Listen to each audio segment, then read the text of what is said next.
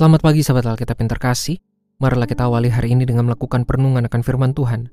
Bacaan Alkitab kita pada hari ini berasal dari kisah para rasul pasalnya ke-22, ayat 27 sampai 30. Lalu datanglah kepala batalion itu kepada Paulus dan berkata, Katakanlah, benarkah engkau warga negara Roma? Jawab Paulus, benar. Lalu kata kepala pasukan itu, keluarga negara itu kubeli dengan harga yang mahal. Jawab Paulus, namun aku mempunyai hak itu karena kelahiranku.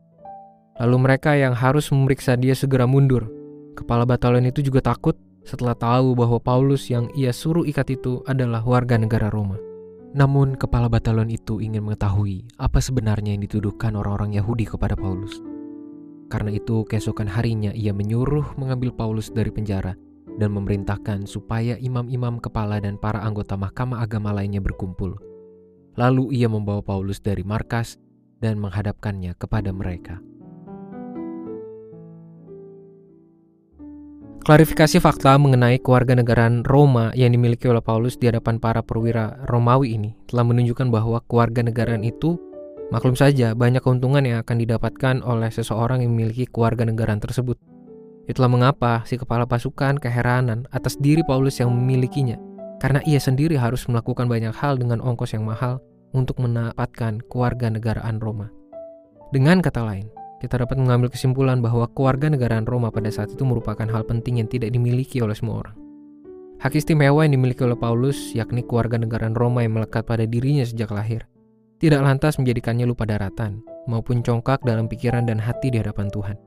Hal ini dibuktikan dengan keputusannya untuk meninggalkan segala kenyamanan hidup sebagai orang terpandang di tengah komunitas Yahudi pada umumnya, dengan mengambil keputusan untuk menjadi pengikut Yesus Kristus.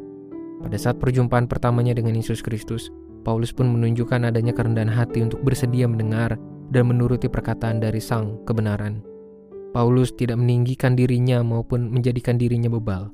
Padahal ada banyak hal istimewa yang dapat membuat ia menjadi congkak, entah di hadapan sesama manusia maupun pada saat ia merespon suara Yesus Kristus, sosok yang pada awalnya sedang ia lawan.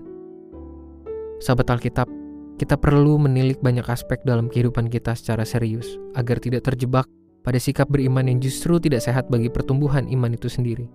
Secara khusus, di tengah budaya hidup yang sering kali menekankan aspek hak istimewa atau pengejaran terhadap privilege tertentu, dapat menjadi celah bagi kita untuk justru bersikap ponga. Padahal, sikap Paulus yang muncul pada bacaan hari ini justru menunjukkan bahwa semua keistimewaan yang ia miliki, bahkan sejak kelahirannya, tidaklah serta-merta membuat ia menjadi angkuh. Secara khusus bagi Paulus sebagai pengikut Kristus, segala perubahan yang terjadi secara total merupakan hasil dari perjumpaan antara ia dengan Kristus yang membuat ia lebih mementingkan relasi iman dengan Yesus Kristus dibanding segala keuntungan duniawi akibat hak-hak istimewa yang ia miliki.